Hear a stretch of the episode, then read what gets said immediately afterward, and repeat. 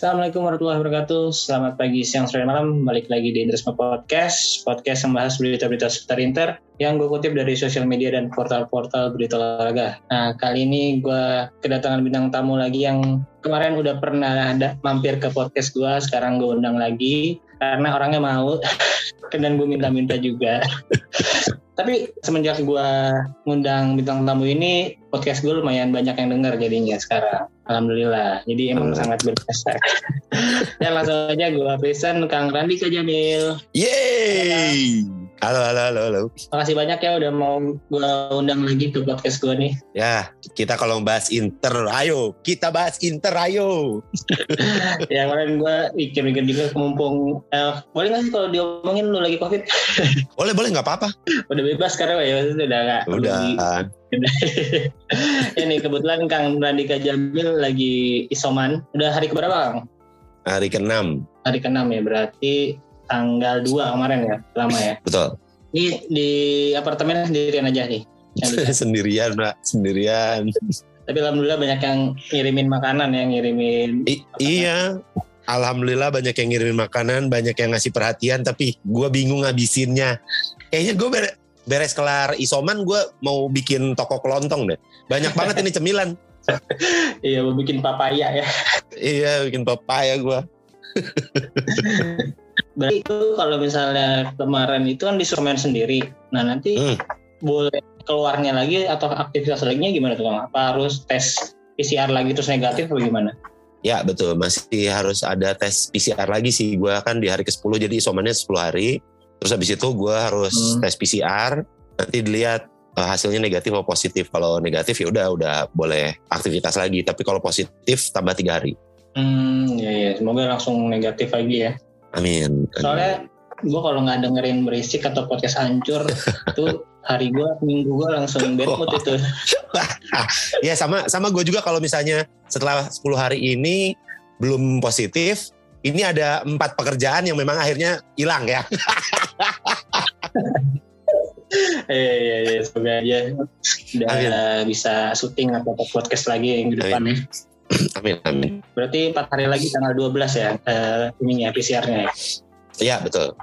Ini kita hari ini ngetek tanggal 8 Februari atau dua hari setelah kemarin derby dalam Madodina ya. Nah, hasilnya sayang sekali kita kali ini harus menerima kekalahan dengan skor 1-2. Ya, ya, betul. Yang lain nonton enggak, Nonton gua. Nonton, nggak mungkin lagi lagi isoman nggak ngelakuin apa-apa masa nggak nonton ya kan tidak ada aktivitas apa pun ya saya harus nonton kemarin ya tapi sedih, ya sedih. sayang sekali hmm. sedih ya tapi menurut lu gimana permainan Inter kemarin gue sih kemarin ngelihat permainan Inter um, apa ya kayak berasa tegangnya gitu kayak dia tahu kalau Milan tuh lagi ngejar Inter. Jadi Milan hmm. tuh contenders. Jadi Milan tuh yang nothing tulus. Gue pokoknya harus all out gitu. Sedangkan Inter tuh kelihatan hati-hati. Jadinya beberapa kali kayak bingung gitu. Ini mau di ke mana ini? Ke sini mati ke situ mati. Terus juga si main mainan udah tidak main-main dia tidak mainan. Dia beneran kemarin. Iya beneran namanya tuh. Iya, iya sebel iya. banget. Gila berapa kali tuh waduh dia gokil lah. Itu mana ke mana sih gue ngelihatnya seperti itu ya. Kayak uh, Inter rada-rada grogi gitu karena dia dikejar Milan jaraknya nggak tidak terlalu jauh. Terus uh, sedangkan Milannya lagi ayo ayo ayo ayo ayo, ayo gitu. Hmm, ya kalau dari segi permainan padahal kalau yang gue lihat uh, kemarin itu Inter babak pertama apalagi ya babak pertama itu sangat menguasai pertandingan banget tuh jauh Bener. banget dari Milan. Justru shoot on goalnya lebih banyak Inter kalau nggak salah babak pertama tuh. Terus tapi hmm. banyak juga save save save nya Mike mainan yang bagus-bagus. Hmm. salah satunya yang gue salut tuh yang tendangan Brozovic ke deflect para kepalanya siapa gitu Tomori kalau nggak salah. Terus uh. masih dia masih bisa balik lagi. Tuh kalau Handanovic udah didiemin aja tuh bolanya. Iya iya, iya. Iya iya iya gol golnya uh, golnya Giro yang pertama. ke berapa ya? Yang kedua yang kedua yang kedua yang, yang diglosorin dia nggak bereaksi tuh Handanovic diem cuman kayak gitu kan iya iya iya eh yang kedua justru dia yang kedua justru gerak. Uh, yang, pertama yang pertama ya. Ya. Yang bengong ya. Bengong tuh. Ya itu ya bedanya kiper beneran sama kiper mainan. Justru ada Novik yang mainan nih. Nih kalau dari statistik kemarin untuk totalnya shoot on target 5 banding 3, shoot ke gawangnya 11 banding 10. Beda-beda tipis Hmm. itu juga Milan ngejar di eh, babak kedua. Babak kedua. Iya, betul. Possession juga Milan eh, unggul, unggul tipis 54 banding 46. Passingnya juga unggul tipis, cuman kita eh, kalau dari corner nih banyakan Inter sebenarnya. Berarti eh, Inter lebih sering ini juga kan, lebih sering mengancam ke gawang, terus boleh ditepis. Nah, cornernya Milan mungkin bola-bola deflection doang yang Iya, iya, iya. Gue kemarin gregetan gitu gara-gara mainannya. Waduh, ini lagi on fire atau gimana ya? Gue nggak ngerti. Beberapa kali lah penyelamatan dia bagus banget. Ya itu tadi kebukti dari statistiknya aja kan cornernya lebih banyak. Berarti memang kita banyak menyerang, tapi tidak membuahkan hasil. Terus untuk klasmen sementara nih karena kemarin Inter kalah jaraknya tinggal satu poin doang nih kan. Betul. Tapi Inter masih menyimpan satu pertandingan eh, lawan Bolonya kalau nggak salah ya Bolonya yang harus ditunda kemarin kan. Jadi kemungkinan masih ada jarak 4 poin sih. Nah cuman kalau misalnya kemarin menang itu jaraknya tambah jauh sama Milan tuh udah 7 poin. Iya. Bisa 10 poin kalau Inter main menang lawan Bolonya. Kalau Napoli juga kemarin eh, di, di peringkat 2 sekarang poinnya 52 tren Napoli juga bagus nih dari lima pertandingan empat kali menang satu kali seri. Ini kemungkinan bulan Februari ini jadi salah satu bulan yang terberat banget nih buat Inter nih. Karena kemarin setelah kalah lawan Milan, hari ini nih pas kita podcast malamnya Inter main di Coppa Italia lawan Roma Betul. tiga pagi. Nih lu Mhm. bisa nonton lagi nggak nih Kang kalau jam 3 pagi gini? Nonton, nonton gua. Makanya beres ini gue mau tidur dulu. Ya beres ini tidur dulu sampai jam Beres ini- 12. Enggak, beres ini tidur dulu sampai jam 6 pagi. Besok nonton review di YouTube. Aduh. Lawan Roma nanti malam gimana nih Kang menurut lo? Ini juga eh, kembalinya Jose Mourinho pertama kalinya ke Giuseppe Meazza lagi nih. Giuseppe Meazza, iya iya iya. Untuk pertama kalinya ya. Gue nggak tahu nih kalau soal Roma sama Inter selalu gambling sih. Gue tuh nggak nggak pernah bisa nebak kalau bakalan menang apa kalah karena Roma juga lagi angin-anginan tuh. Bisa tiba-tiba menang gede, bisa tiba-tiba langsung kalah gitu. Belum padu gitu menurut gue si Mourinho dan Romanya. Cuman gue masih ragu dengan kalau gue ya dari Internya gue masih ragu dengan daya dobrak Inter sekarang. Penyerangnya eh, Zeko masih belum memperlihatkan ketajaman seperti kemarin. Hmm. Lagi melempem tuh. Lautaro juga masih belum. Korea cedera. Alexis Sanchez ya sempat jadi super sub tapi belakangan ini belum kelihatan lagi gitu kan. Jadi dari empat penyerang sama Sasiedo ya. Sasiedo tapi nggak tahu main apa enggak kan. Caicedo ini kan sebenarnya dia diplot untuk jadi pelapis si Korea yang lagi cedera. Eh Iya. justru dia malah cedera juga sekarang. Iya cedera juga. Dia cedera juga makanya jadi bingung gue makanya gue juga masih belum belum yakin kalau dari sisi gue dengan lihat permainan kemarin lawan Milan jadi sedikit rada ragu gitu loh. Apalagi Iya. kalau Roma Roma kan ya backnya juga kita tahu sering kesulitan sekali. Cuman mungkin sekarang diuntungkan karena kita punya Zeko. Zeko jadi tahu Roma mainnya seperti apa. Mungkin dia akan bermain untuk Roma sekarang. Jadi di malam ini dia akan bermain untuk Roma karena males main Jadi untuk Inter. Iya iya. Cuman di pertandingan pertama kemarin eh, di Serie A pertemuan pertama eh, Inter bisa menang meyakinkan 3-0 nih. Main betul di kandang Roma di Olimpico Inter bisa menang meyakinkan 3-0.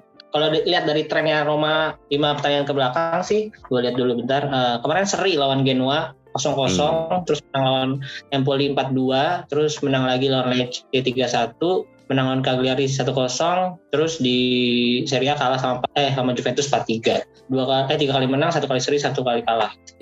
Betul Ini sih ya lumayan lah sosok loh. Cuman yang menangnya juga eh, lawannya tim-tim yang di bawah kelasnya di bawah Roma juga sih.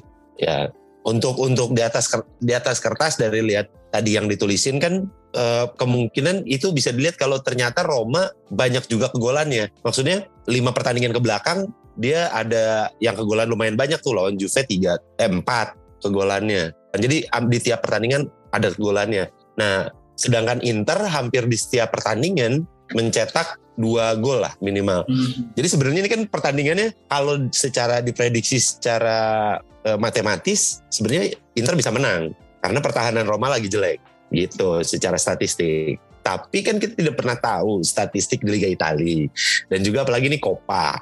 Iya sih. Roma Roma yang ya ya. Copa Bet. betul. Hmm. Terus juga Roma kayaknya sekarang tidak terlalu mengejar untuk Serie A, Serie A-nya deh.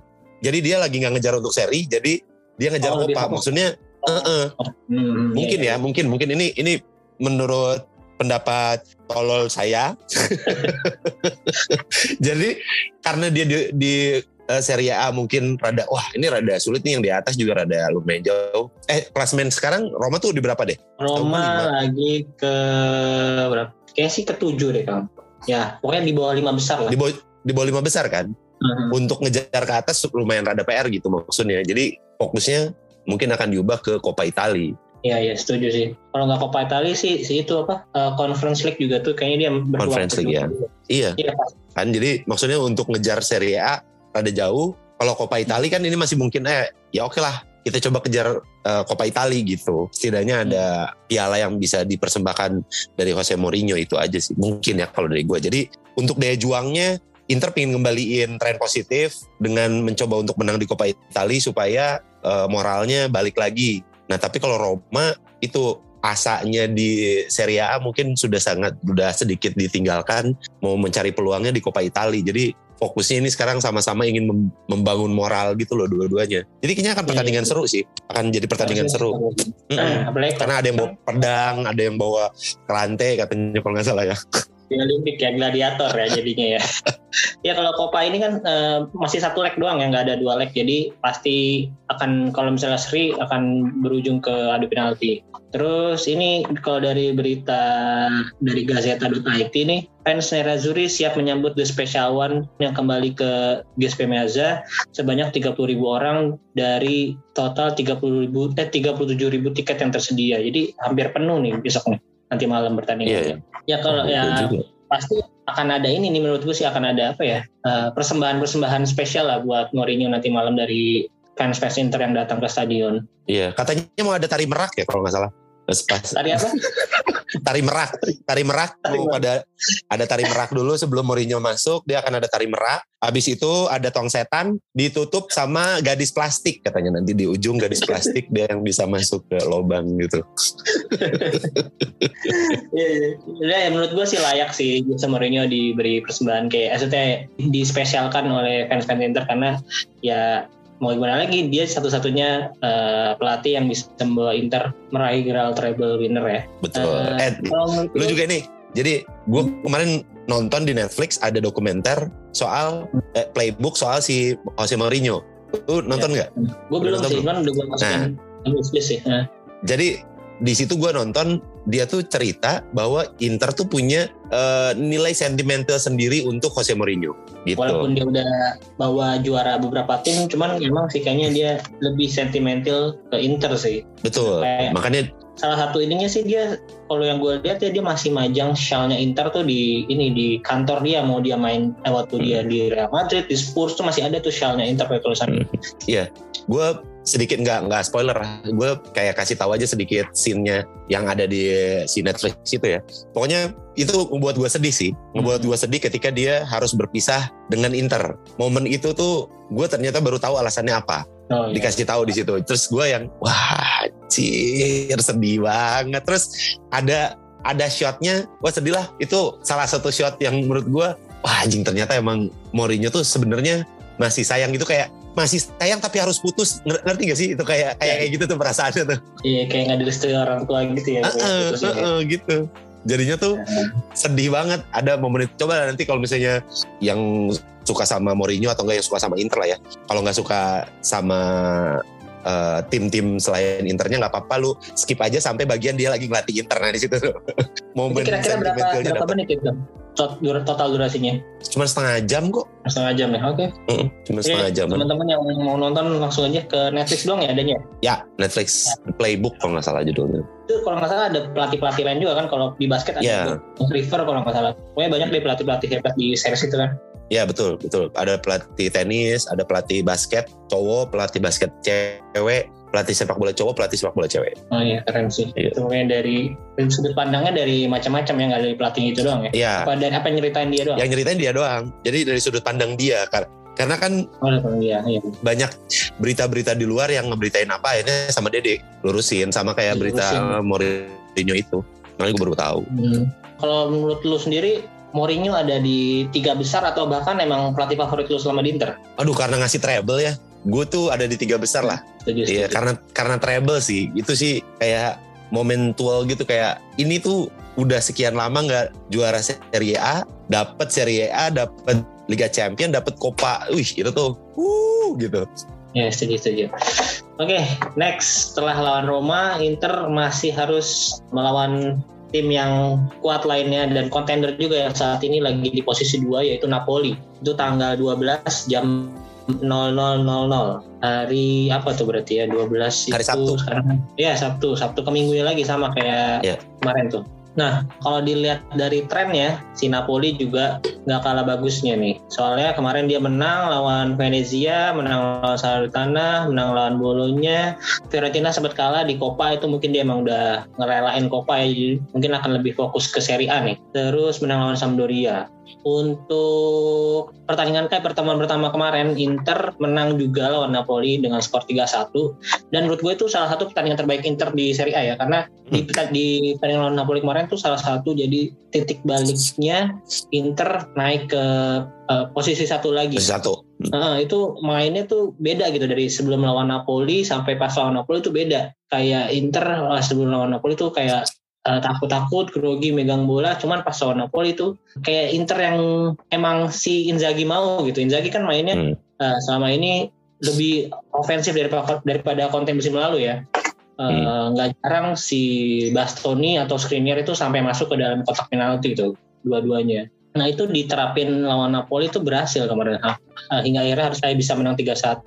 Kalau sekarang kita lihat Napoli yang udah balik ada Osimhen ya orang kan waktu pertama pertama Osimhen sempat cedera tuh mukanya bonyok Hmm. padahal ngadu muka sama muka sama Skriniar sih sebenarnya Iya. Skriniarnya mana-mana aja si Osimhen yang bonyok mukanya sekarang udah balik lagi dia juga jadi salah satu pemain yang harus diwaspadai oleh back-back Inter ya dia Iya, punya betul. kecepatan sama strength-nya bagus juga kalau dari Kang Dika Napoli ini gimana nih Napoli itu selalu selalu apa ya menegangkan ketika lawan Napoli gitu. Kalau menurut gua, gua cuma lawan Napoli itu yang gue selalu sebel karena depannya ada si Osimhen itu yang kemarin tabrakan sama Skriniar muka batu ya. Ternyata mukanya Skriniar kayak batu ya, kencang juga ya. iya.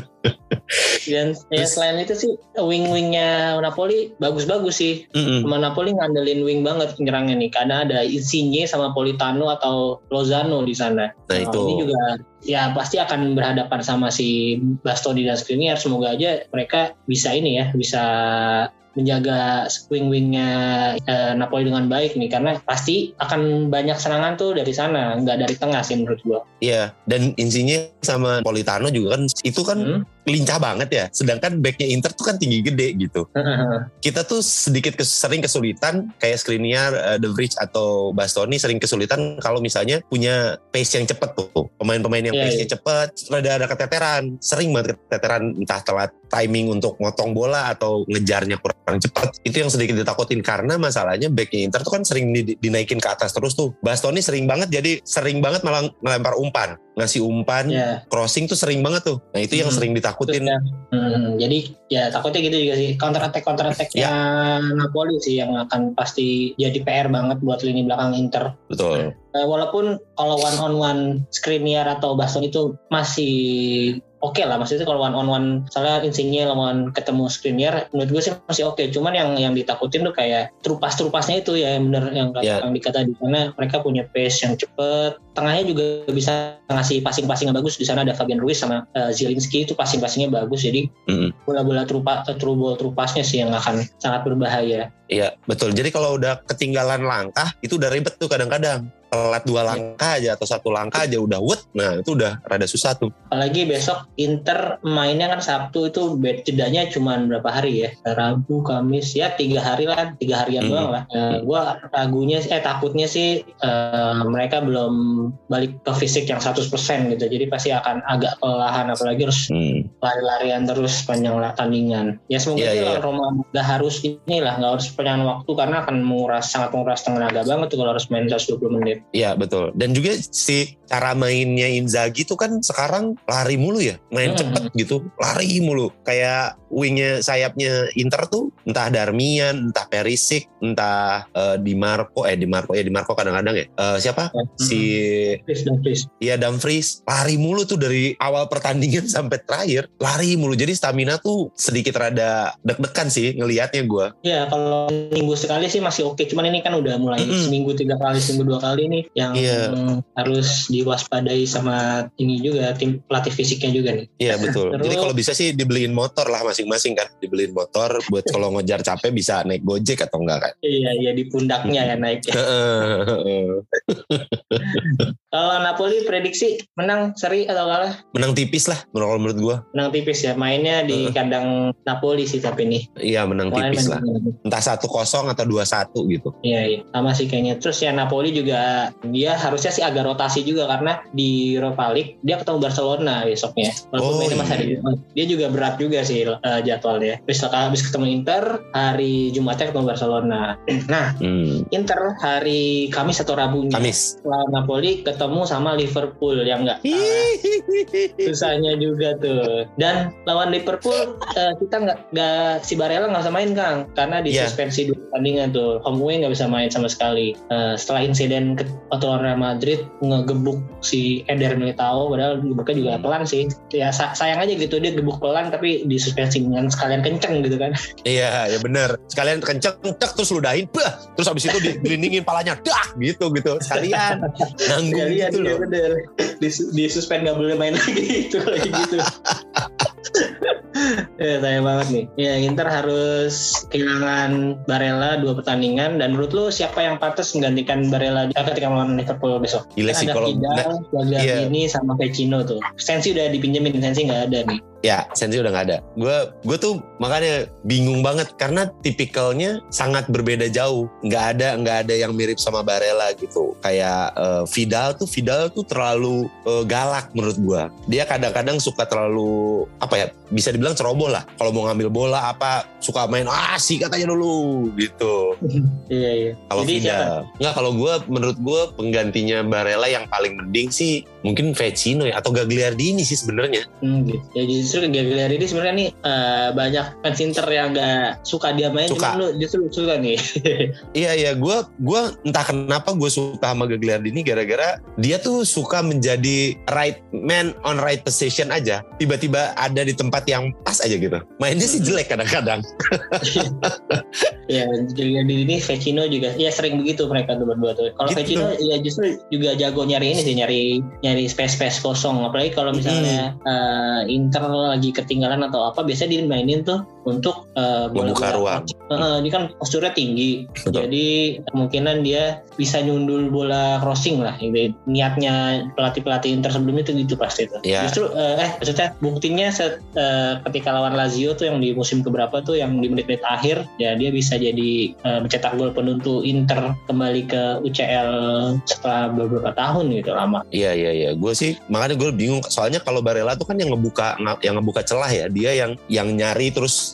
nyari ngebuka Iya. ruang, ngebuka ruang terus gitu. Sedangkan tipikal pelapisnya belum ada yang seperti itu. Sensi sebenarnya waktu itu sempat kayak gitu, cuman ringkih sekali Sensi itu. Kayak sepatu Iya. kaca gitu kayak kayak Arjen Robben waktu di Chelsea itu apa-apa tuh kayak ah, patah, ya cedera panjang gitu. Tapi justru ada kemarin Sensi ketika dipinjemin ke Sampdoria di debutnya langsung ngegolin, keselin banget. Nah kan itu yang terjadi ketika pemain Inter dipinjemin atau enggak keluar dari Inter ya. Iya, langsung jago tiba-tiba. Politano, Bahkan pemain yang sampai sekarang gua masih kesel itu adalah Coutinho.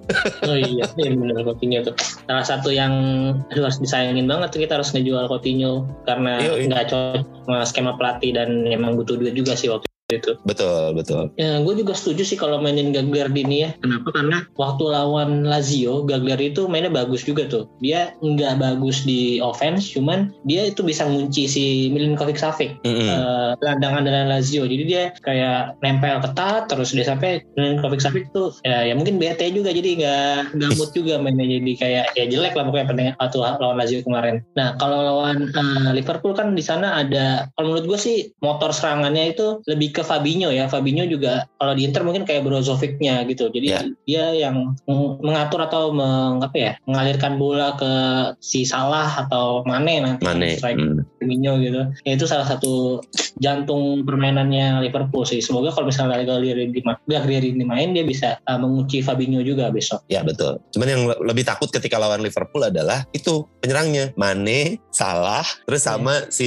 Firmino. Firmino hmm. kalau nggak Jota. Ya. Atau nggak Jota. Yuk, back Inter siap-siap. ya, ini ada kalau prediksi pemainnya uh, kemungkinan yang main bakalan Alisson jadi kiper, terus EH atau Alexander Arnold di bek kanan, tengahnya ada Joel Matip sama Van Dijk, kirinya Robertson, tengahnya Fabinho, Henderson sama Thiago, depannya ada Salah, Jota dan Mane. Salah, Salah sama Mane kemarin habis final Piala Afrika tuh, ya yeah. kemungkinan udah balik sih karena mainnya masih tanggal uh, 17. Kemarin kan udah selesai berarti masih ada recovery semingguan lebih nih harusnya mereka bakal dimainin sih lawan Inter besok. Kalau lawan Liverpool leg pertama main di Inter gimana Kang? Prediksinya seri, kalah menang. Huh, prediksiku bisa nyetak gol satu, alhamdulillah. Prediksi gue tapi seri. Iya sih sama-sama. Seri sih seri. kayaknya seri. Cuman ya karena sekarang udah nggak ada uh, home away lagi kan, eh, maksudnya gol gol tandang nggak ada gol tandang lagi. Ya, Jadi gol agregat ya. Ya agregat udah nggak dipakai lagi. Misalnya nanti di Inter seri satu sama, terus di Liverpool seri dua sama, itu tetap di uh, melakukan perpanjangan waktu atau ke ya. penalti nanti kalau misalnya masih seri juga. Cuman ya prediksi lu udah maksudnya nggak uh, Inter kira-kira masih bisa melaju apa udah berhenti di 16 besar ini? Aduh, harapan gue selalu balik lagi gue pingin lihat Inter megang Piala Champion lagi sih. Iya. Cuman gimana ya? Kadang kita juga harus realistis ya, teman-teman. Jadi ngelihat uh, mainnya yang kayak gini, sebenarnya nggak tahu ya. Gue beberapa kali nonton Inter tuh akhirnya udah bisa nebak gimana cara mainnya. Iya. Yeah. Itu gue gua aja sebagai orang awam yang yang tidak mengerti uh, apa formasi apa segala macam cuma lihat doang gitu gue udah bisa ngebacanya kayak gimana gitu akhirnya mungkin kalau kayak gitu-gitu terus tanpa ada pengembangan kayaknya udah gampang ketebak sih cara permainin permainan Inter seperti apa kebukti kayak kemarin tuh pas lawan Milan lah kelihatan. Jadi ya gue sih berharap bisa lah maju ke babak selanjutnya. Tapi kalau enggak pun ya sudah tidak apa-apa. Ya jadi kita bisa lebih fokus ke Copa sama Serie A juga ya kalau tandanya. Betul. Uh, ya menurut gue sih kalau misalnya mau kalah mending di sini aja nih di 16 besar. Jadi ya uh, masih bisa jauh fokus ke Serie A-nya masih ada beberapa pertandingan jadi masih bisa dimanfaatkan. Kalau misalnya di semifinal atau di delapan besar tuh kayak udah nanggung gitu. Selalu udah udah nguras tenaga juga, nguras ngebagi pikiran ke tiga kompetisi, cuman ujung-ujungnya masih uh, harus kalah juga gitu. Tapi walaupun beda sih, beda sih pendapatannya kalah di 16 besar, kalah di 8 besar sama 4 besar pasti akan beda sih. Cuman kalau lebih ke chance untuk dapetin trofi sih kalau misalnya emang mau mau dapetin Serie A lagi ya better sekalian aja sih di sini aja kalau misalnya kalah. Cuman ya kalahnya jangan malu-maluin amat lah gitu. Ya, ya benar. Maksudnya masih ada perlawanan gitu lawan Liverpool. Iya betul betul. Jadi kayak yuk balikin satu-satu trofinya yuk. Maksudnya nggak usah sekarang di tahun ini pingin semuanya dibalikin gitu maksud gua. Kayaknya akan sedikit sulit karena uh, pelapisnya belum sekuat itu menurut gua. Ya kalau menurut gua sih dengan skuad yang sekarang yang masih realistis sih juara Copa sama Serie A sih. Ya, itu masih betul. bisa didapat sih menurut gua tahun ini ya. Iya untuk tahun ini makanya yuk satu-satu atau enggak dua dulu Coppa Italia dan Serie A dulu Liga Champion kita yang penting tahun depan kita main lagi gitu. Itu. Lanjut Kang.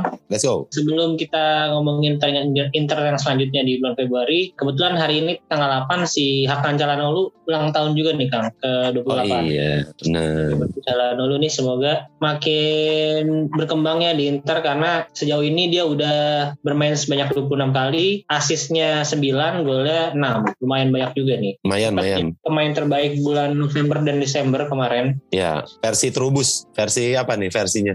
Pemain terbaik. Versi beneran ini. Ini kalau gue baca dari artikelnya fluidpanjang.id, mm-hmm. ternyata si Hakan Calhanoglu ini sempat mau main untuk timnas Jerman. Oh. Karena dulu waktu tahun 2000 sampai tahun 2013 dia tuh belum pernah dipanggil timnas Turki karena dia emang mm. lahirnya eh bukan lahir sih, tinggalnya dari kecil di Jerman sama orang tuanya. Jadi gede di Jerman, hampir membela timnas Jerman kan. Terus dia awal, awal karirnya juga main di tim FC Karlsruher apa nih bacanya? Hmm. juga main Karlsruher tim Jerman. Divisi duanya Bundesliga. Nah, sebelum dia pindah ke Hamburger SV sama Bayer Leverkusen. Di Bayer Leverkusen dia sering banget nyetak gol-gol tendangan bebas nih. Mm -hmm. dia spesialis ya? Ya spesialis. Dia katanya pelatih yang berjasa me melatih tendangan bebasnya itu ada Stefan Gross pelatih Calhanoglu waktu di Waldorf Mannheim waktu kecil dia katanya dia belajar dengan bebas. Kalau menurut lo Iya. dari permainan Calhanoglu selama di Inter gimana Kang? Gue sangat suka sih. Ya emang apa ya, tipikal pemain yang dia tahu aja. Kan Barella yang ngebukanya, Cala Calhanoglu yang nyari peluangnya gitu. Jadinya kayak klop banget ketika ada Barella sama Hakan Calhanoglu. Dan gue seneng karena dia lebih bagus main di Inter dibanding waktu di Milan. Ya sih, menurut gue sih. Waktu itu dia pernah ini juga kan di interview katanya eh, lebih mudah bermain dengan tim dengan pemain yang berkualitas gitu. Jadi se- eh, secara nggak langsung dia bilang yang di Milan nggak berkualitas. Ya, wow, wow, wow, wow. Terus ya mudah-mudahan itu dia jadi kayak akan syukur ya. Nah iya benar. Tapi waktu akan syukur waktu yang waktu di Inter itu akan syukur apa siapa ya? Sempat kan ada yang ya kurang-kurang ini sih dia kurang. Atau kayak Emre lah, Emre. Nah Emre kan yang sukses di Inter. Belezoglu. Hmm, Emre Belözoğlu. Oke, tadi terakhir kita bahas ke pertandingan Inter versus Liverpool ya. Liverpool. Selanjutnya soal Liverpool masih di bulan Februari Inter agak cooling down dikit lawan selanjutnya itu Sassuolo main di Giuseppe Meazza tanggal 21 jam 00.00. Kalau dari pertandingan sebelumnya melawan Sassuolo biasanya nggak pernah mudah sih. Lawan Sassuolo itu dari musim ke musim nggak pernah mudah. Walaupun sempat menang 3-0 eh 4 4-0 apa 3-0 gitu tapi hampir mau dikejar di menit yang akhir. Ujung-ujungnya di eh, selisih satu gol doang. Nah, kalau eh, pertandingan pertama musim ini ketika main di kandang Sassuolo Inter berhasil menang dengan skor 2-1 walaupun harus kebobolan duluan dari titik-titik penalti yang dirasakan oleh Berardi Inter mampu membalikan keadaan dari gol Edin Zeko di menit 58 dan Lautaro Martinez di menit 78 dari titik penalti juga kalau kita lihat posisinya di klasemen Sassuolo musim ini nggak terlalu bagus nih Kang di posisi 12 sementara Hmm. Padahal pemainnya sih eh, ada satu pemain yang kita incer juga tuh ada dua malah Inter Iya. incer dua Sassuolo itu ada Raspadori sama Skamaka Sama Kak. Eh, dua-duanya striker sih cuman tipikalnya beda Eh, Raspadori mungkin lebih mirip ke Sanchez Skamaka lebih mirip ke Zeko yang jadi target man gitu lu pernah nonton eh, mereka main nggak apa ada sedikit-sedikit insight gitu tentang Skamaka sama Raspadori Gue gue lebih suka Raspadori sih sebenarnya. Dan juga Raspadori sekarang lagi yang lebih banyak diincar sama klub-klub lain kan. Lumayan banyak tuh Raspadori mau dikejar sama kalau nggak salah ada beberapa klub kayak klub Takraw, terus Balet sama Trompet, klub Trompet ya. masa debat juga pemain Tapi gini, kalau lawan Sassuolo, gue tuh selalu yakin Sassuolo tuh mm, kayak kuda hitam gitu loh. Hmm. Beberapa kali lawan tim-tim besar, Sassuolo tuh bisa ngalahin kadang-kadang atau enggak seenggaknya bisa bikin imbang. Bahkan Iya, beberapa pemain, beberapa pemain banyak eh, yang keluaran dari Sassuolo. Sassuolo tuh kayak pencetak pemain-pemain bagus ada beberapa juga gitu. Ya, salah satunya Sensi yang sekarang Betul. justru main di Sampdoria kemarin langsung cetak gol debut. Iya, Kalau jadi salah Raspadori kemarin di Itali menang Euro dia juga ini kan ada di squad itu. ada di Ganti Iya. siapa gitu yang detik-detik terakhir nggak bisa ikut karena cedera dia masuk gantiin eh, striker juga posisi striker. Jadi dia Iya. udah punya satu gelar Euro sepanjang karirnya. Umurnya masih muda kayaknya masih sekitar 21 atau 22. Kalau Skamaka Gianluca Skamaka ini umurnya 23 tahun. Kalau gue sih pada muda. lebih Kamaka nih karena dia posturnya bagus tingginya 195 tatoan juga banyak tatonya ganteng sama emang kayak menurut gue sih emang karena Inter problemnya lagi di ini nih lagi di striker atau di penyelesaian akhir nih akhir-akhir ini kan yang golin banyak kan eh, gelandang dulu tuh kalau Hmm. taruh sama Zeko agak kurang sebagai striker lah dibandingkan musim lalu lebih bagusan musim lalu kalau dari Ya. jumlah gol dari striker apalagi kemarin ada Lukaku kan kalau sekarang eh, gelandangnya lebih lebih produktif lagi lebih ikut produktif juga Kamaka sejauh ini main selama main di Coppa Italia eh di Coppa Italia di Serie A udah cetak 9 gol lumayan banget nih Lumayan. kalau Lautaro kalau nggak salah 10 gol beda-beda tipis 10. lah. Jadi kalau eh, kalau jadi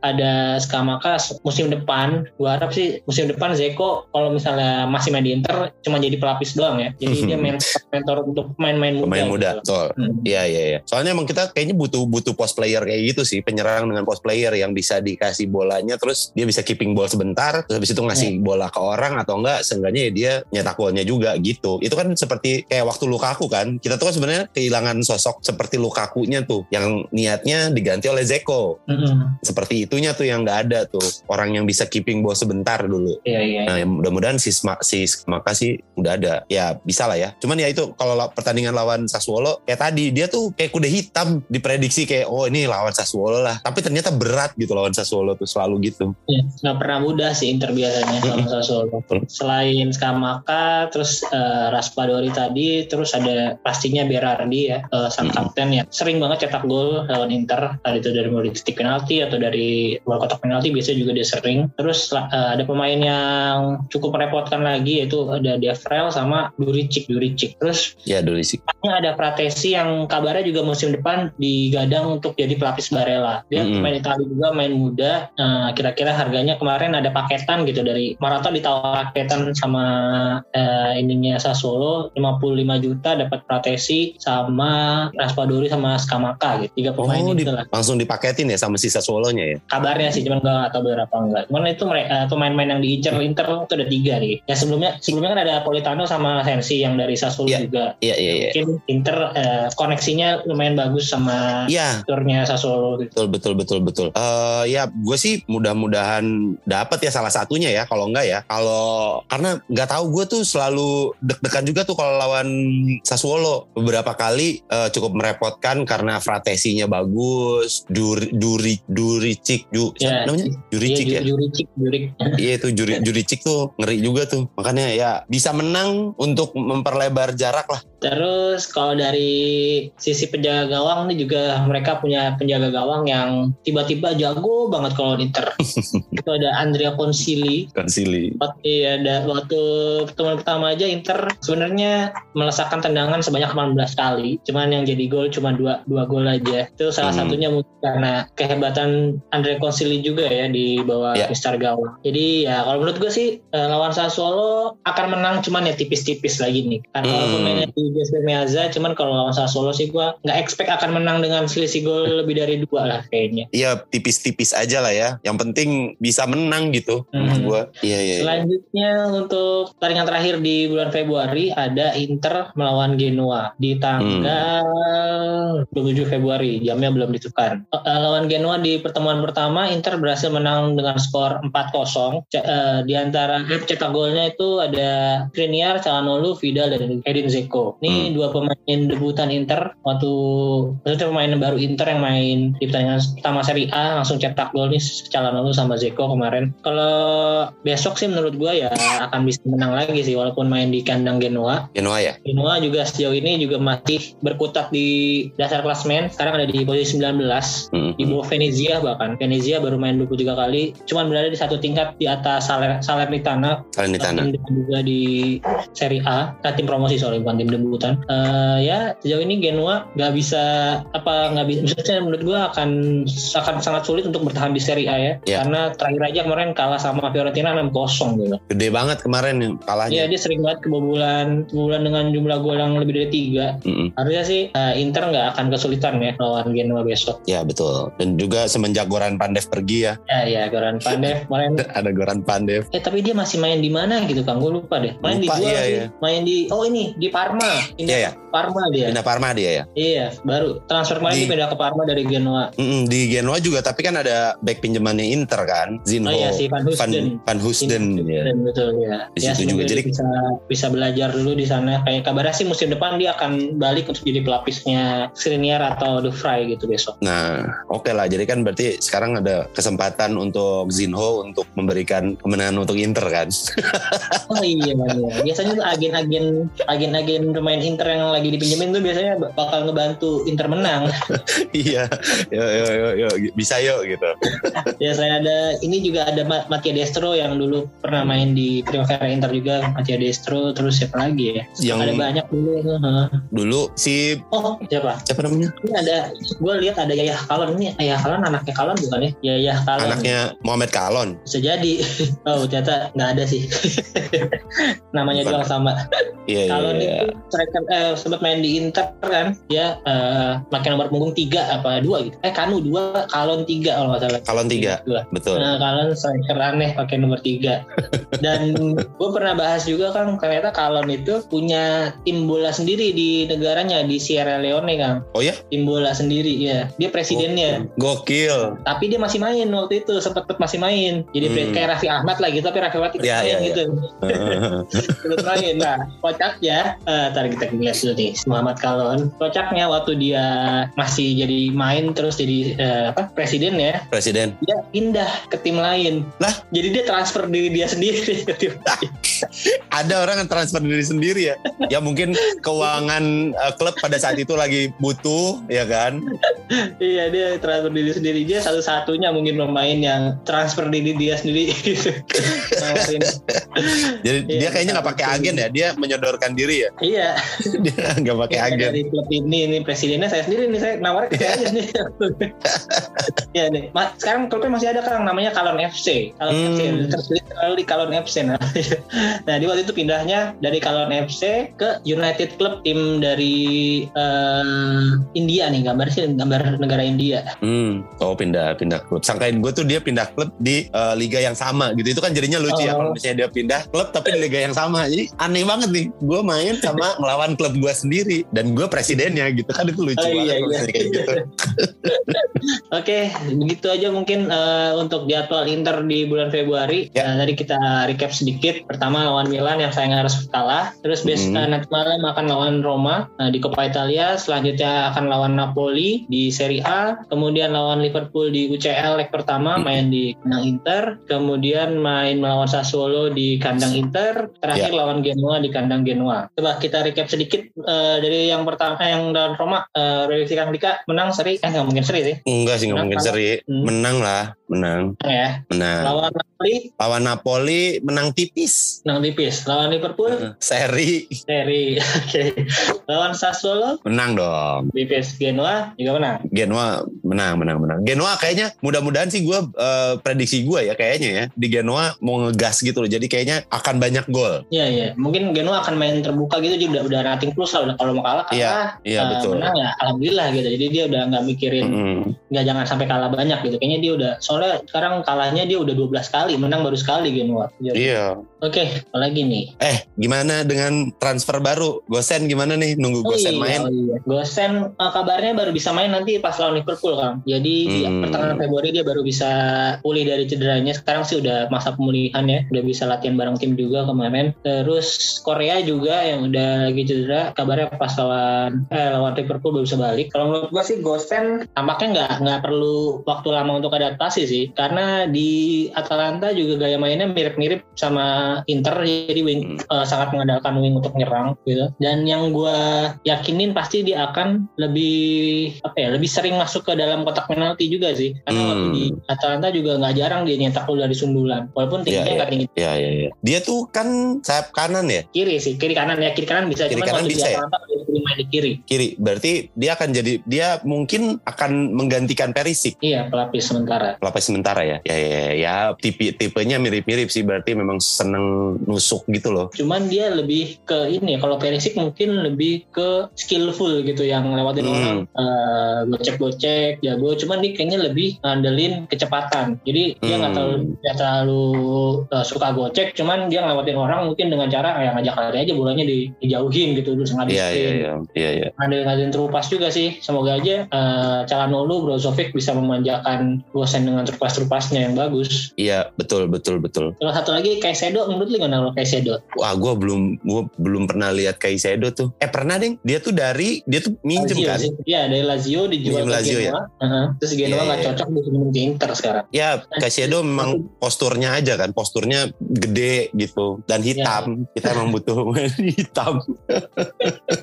Iya iya. Cuman Kaisedo juga waktu di Lazio dia sering jadi super sub juga. Mungkin makanya si Inzaghi mempertimbangkan itu. Iya iya. Dia soalnya sudah udah ada pas lagi Inzaghi ngelatih kan? Iya udah. Dia udah jadi iya. waktu Inzaghi kan striker itu Immobile. Nah Immobile kalau jarang maksudnya kalau lagi cedera pasti Kaisedo yang main dan iya.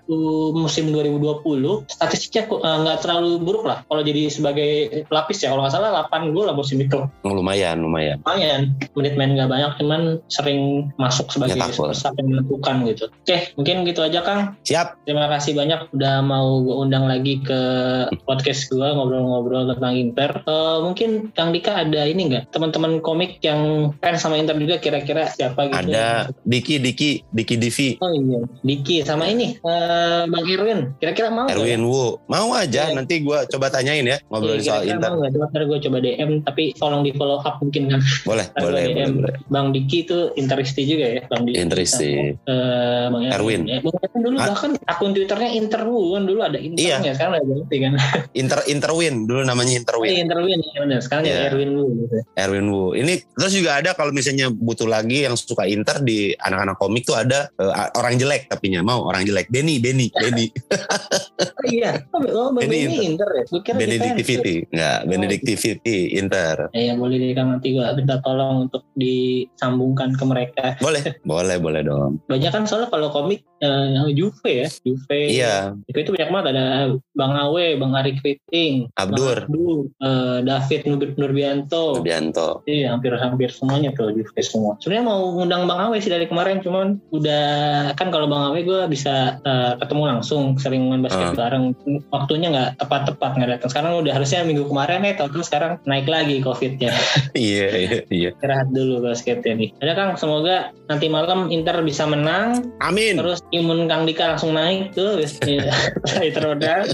Jadi hasil tes PCR-nya tanggal 12 nanti langsung negatif. Amin. Amin. Amin, amin, amin. Oh ya, sukses juga untuk eh, Kang Dika dari podcastnya sama eh podcast ada berisik, tes hancur, terus kemarin lagi ini juga di anak sekolahan Trans 7 ya Trans Kang. 7. Iya, iya. Eh, series juga udah mulai mau syuting-syuting lagi Kang ya? Iya, iya. Mau ada syuting-syuting lagi. Oh iya, Amin. kemarin gua ke berisik ngirim skrip Kang. Siap, ntar gue bilangin. Coba, siapa tahu bisa dibacain. Kemarin gue udah, udah bilang AB juga sih. Oke, tentang lagu-lagu yang dengan judul Untitled. Ya, siapa tahu bisa belum pernah dibawain kan. Iya bener. Oke, Hmm. siap. Oke, sekali lagi terima kasih Kang. Thank you, Di. Ada pesan nggak sebelumnya untuk Apa? Interis, pesan-pesan untuk Interisti?